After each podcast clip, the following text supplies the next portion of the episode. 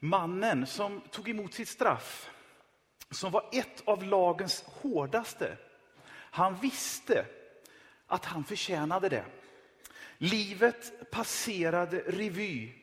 Allt som gått snett, medvetet eller omedvetet, fick nu sitt slut där livet sakta rann ur honom under svåra plågor.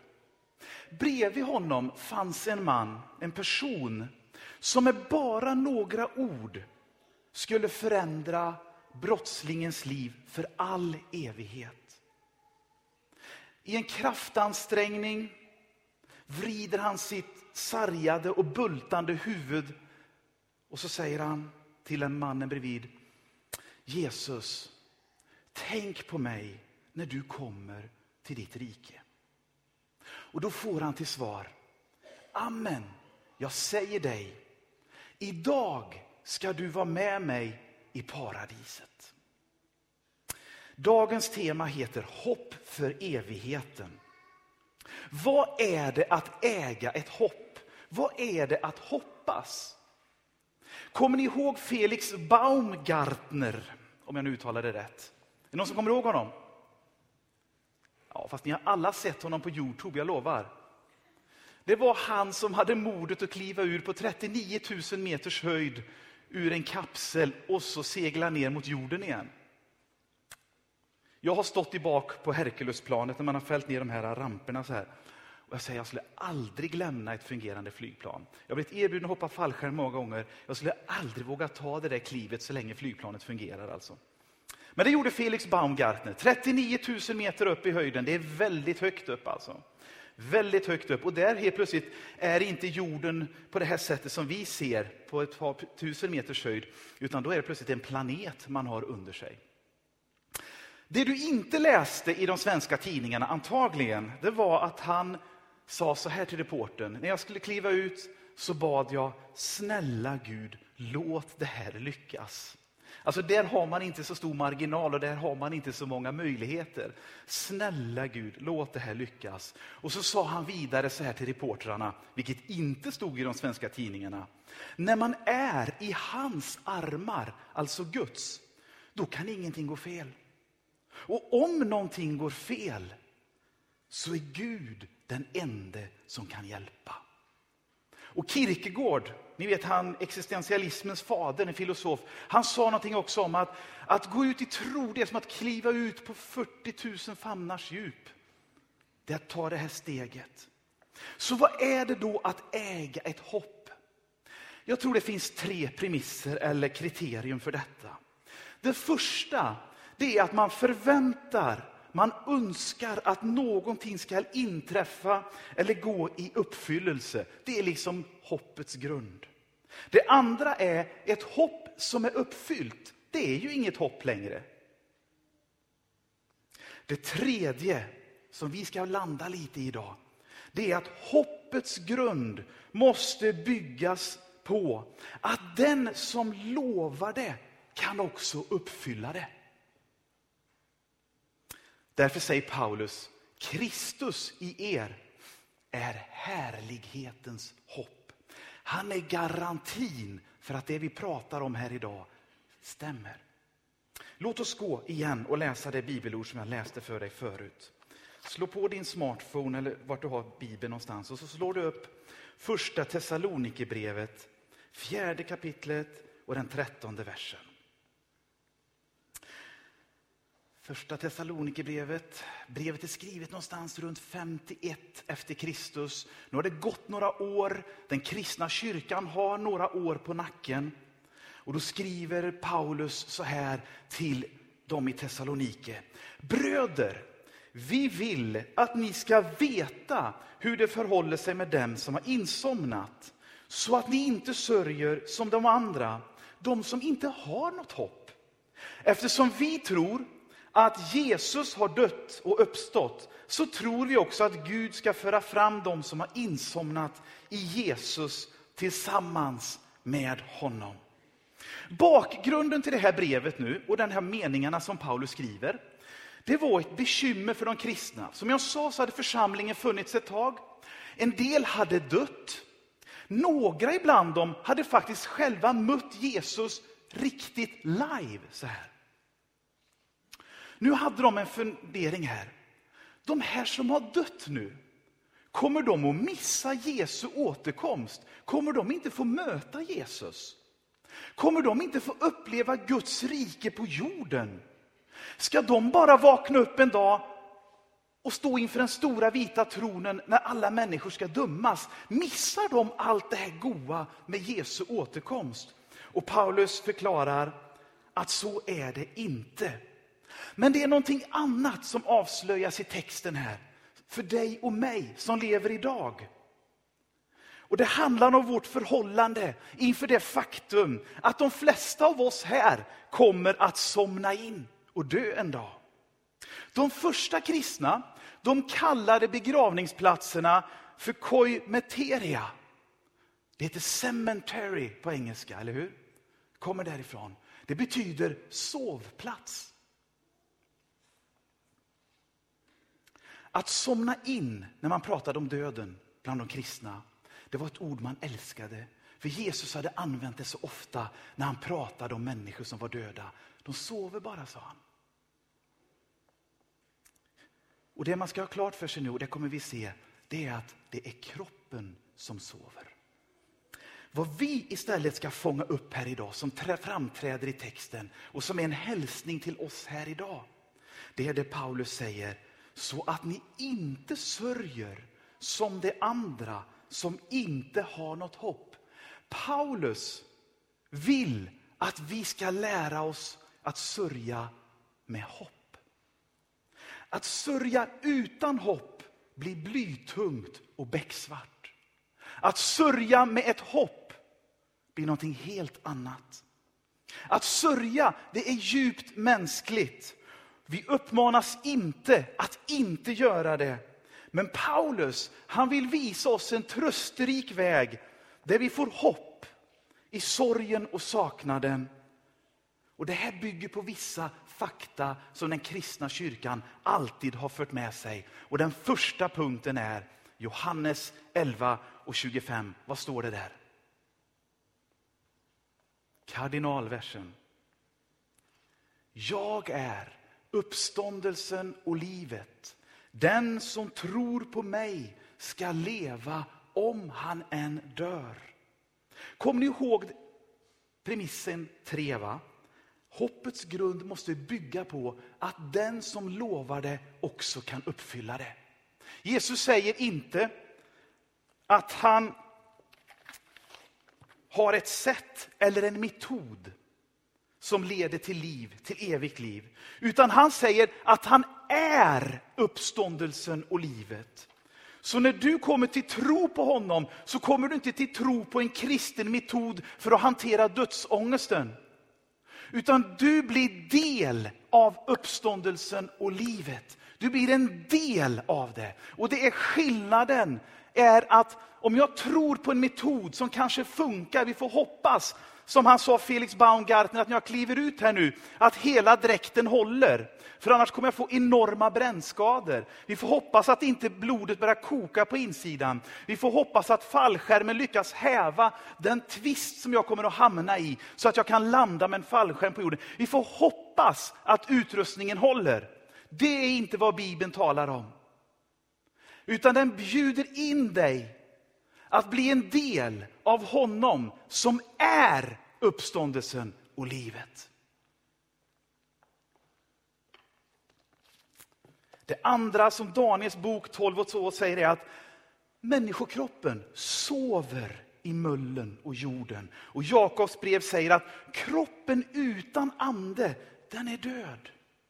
Och det tredje som vår lära bygger på, det är att anden och själen går vidare för att vara hos Jesus. Det blir en skilsmässa mellan det materiella och immateriella, det andliga i dig och mig.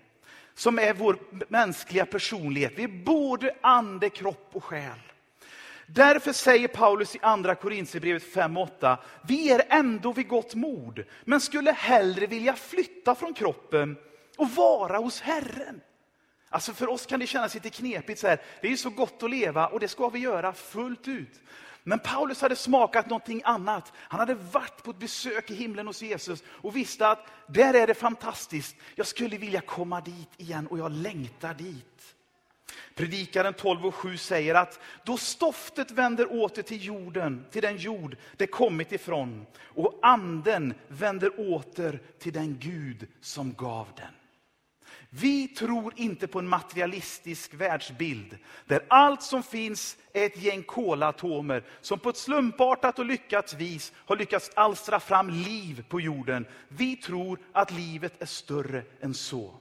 Att du är både ande, kropp och själ. Det tar inte slut vid kistan. Så en person som i tro tar emot Jesus går från död till liv direkt. Får det eviga livet som en gåva av Gud för att vid sin död få sin kropp lagd i vila i jorden. Men med sin ande och själ så går vi till Herren Jesus. Det tar inte slut, det börjar på riktigt här. Och det märkliga är att döden är förutsättningen för uppståndelsen, för att den ska bli. Och uppståndelsen i sig är förutsättningen för att du och jag ska ha den eviga gemenskapen med Gud och Jesus en dag. Det är därför Bibeln säger, du död, var är din udd? Och Det är därför Jesus säger i Uppenbarelseboken 1 och 18 att han har tagit dödens nycklar. Han har besegrat döden. Så när du säger ditt ja till Jesus, då säger du inte ja till en snygg tanke, en schysst tröstelära. Ja, vi kan ju alltid hoppas att det är så. Du säger ja till själva uppståndelsen och livet. Så låt oss nu återvända till de tre premisserna igen, om hopp. Ett hopp, det är en förväntan att något önskat ska inträffa eller gå i uppfyllelse. Ett hopp som är uppfyllt är inget hopp längre. Hoppets grund måste byggas på den som lovar det och kan uppfylla det. När du köper en trisslott, för det gör du ibland, eller hur? Eller någon annan lott. Ibland har du köpt Patrik Kejoks lotter i kyrkan i hopp om att vinna en middag på någon restaurang eller en kaffebryggare. Så, här. så hoppas man ju att Patrik Keyyok har en kaffebryggare om du nu vinner kaffebryggaren, eller hur? Annars blir det svårt för honom. Man kan ju hoppas att spelbolagen som säljer Triss när du kommer hem och har vunnit 15 miljoner kronor och skrapat i tv så här, att de kan betala ut det. Det är själva förutsättningen. Hur ser det då ut med vår kristna tro? Följ med mig till första Timoteus 2, 1 och 10. Jag tar del B i den versen. Det handlar om Jesus Kristus. Andra Tim 1 och 10. Det står om Jesus. Han har gjort slut på döden och fört liv och odödlighet fram i ljuset genom en kurs på 10 poäng som du kan köpa på högskolan. Nej, genom evangelium. Vad är evangelium? Det är de glada nyheterna om Jesus. Det är de goda nyheterna om Jesus. Det här innebär inte att vi inte kommer att dö kroppsligen en dag. För jorden och vi, vi är under förgängelse. Men liv och odödlighet, det är ingen fördold kunskap som du kan få köpa med pengar eller lära dig att förstå och sen kunna bli en del av.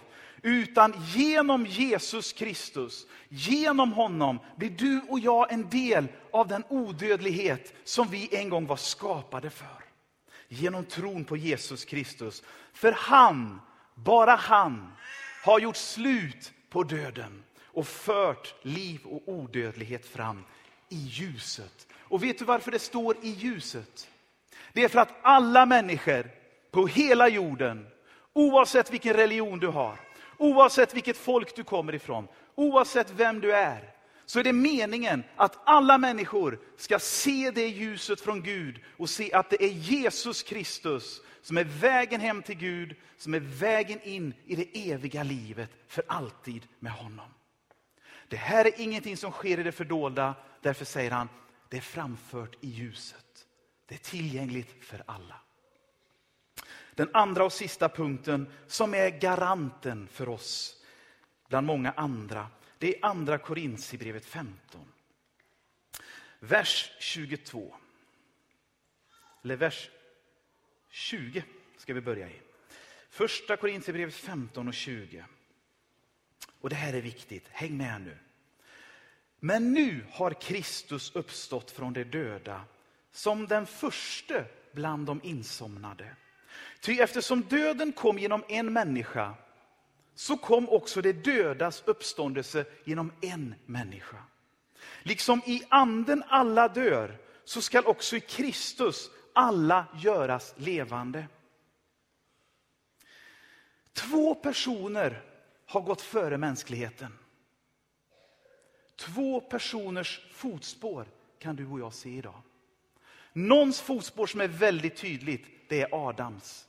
Som valde att bryta relationen med Gud och dra in död i skapelsen. Du ser de fotspåren över hela världen idag. Du ser det i Syrien, du ser det där krigen blommar ut, du ser det sjukdomen härjar, du ser det fattigdom härjar, det girighet härjar. Så ser du Adams fotspår som sa, kan själv, behöver ingen Gud, vi vet nu hur det funkar, vi kör den här vägen.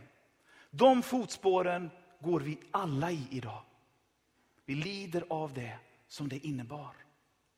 Men vid sidan av Adams fotspår så kommer ett par andra fotspår som leder till liv. Och du och jag kan välja att följa de fotspåren som Jesus har trampat ner i jorden och i mänskligheten. För de fotstegen leder inte till död, utan de leder till liv. Så du kan göra precis som rövaren på korset.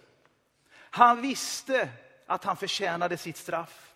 Han visste att det var slut nu. Men bredvid honom hänger någon som håller på och går åt ett helt annat håll. Och han fattar när han hänger här. Det är någonting med honom. Mitt livs CV är en katastrof. Jag har misslyckats med allt och därför hänger jag här nu och därför straffar den romerska makten mig. Det vet rövaren. Han har gått i Adams fotspår och han hänger där. Men bredvid honom så börjar nya fotspår trampas upp för hela mänskligheten, för alla människor. Så trampas det upp en helt ny väg av Jesus själv. Och i den stunden som rövaren förstår att här finns det en annan väg att gå. Här finns det en möjlighet att gå åt ett annat håll. I den stunden när han säger Jesus, tänk på mig när du kommer i ditt rike. I den stunden bryter rövaren sig bildligt loss ifrån korset, från Adams fotspår och börjar som den första att sakta följa Jesus fotspår istället. Därför min vän finns det hopp för en hel värld. För det finns ett helt annat fotavtryck på jorden idag än Adams. Det finns fotavtryck som leder inte in i graven utan ut ur graven. Ut ur förtvivlans mörker, hopplöshetens mörker. Inte med en trisslott som säger köp mig, skrapa och vinn. Utan som säger tro på mig. Tro på mig. Följ mig, säger Jesus. Det går nya fotsteg. Du behöver inte gå i Adams, du kan följa mina nu. Och kanske vacklar du lite i början. Kanske tänker du, jag är inte religiös, jag har aldrig gått i kyrkan. Jag vet inte ens vad det handlar om. Följ mig, säger Jesus. Kom, kom. Det finns en ny väg att gå som leder ut och bort från döden. Så vad har jag sagt idag? I den kristna kyrkan, hos Jesus, finns någonting helt exceptionellt. Det är hopp för evigheten. Ett tryggt hopp för evigheten. Och det är ett hopp som vi vet att den som har utlovat det kan uppfylla det. Och han säger till dig idag, kom, följ mig. Jag ska leda dig på livets stig. Ja, men jag har så mycket Adam i mitt liv. Jag har så mycket konstiga fotsteg runt omkring mig. Jag har trampat runt så mycket. Han säger, följ mig. Jag ger dig en ny väg att gå här idag. Och om du alltid har bekänt dig som en kristen, men känner ändå att fotstegen trampar runt lite grann, så säger han till dig idag, men då börjar vi om idag du och jag. Och så gör vi nya fotavtryck i ditt liv här idag.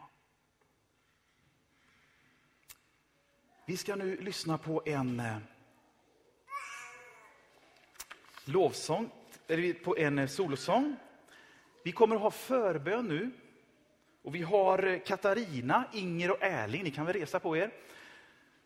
Inger kommer stå framför dörrarna där nere. Om du vill gå ner och få förbön så kan du vara där. Katarina och Erling kommer stå här. Du kan tända lite ljus eh, och vara tillsammans här i bön en stund. Vi ska lyssna på en sång och så vidare.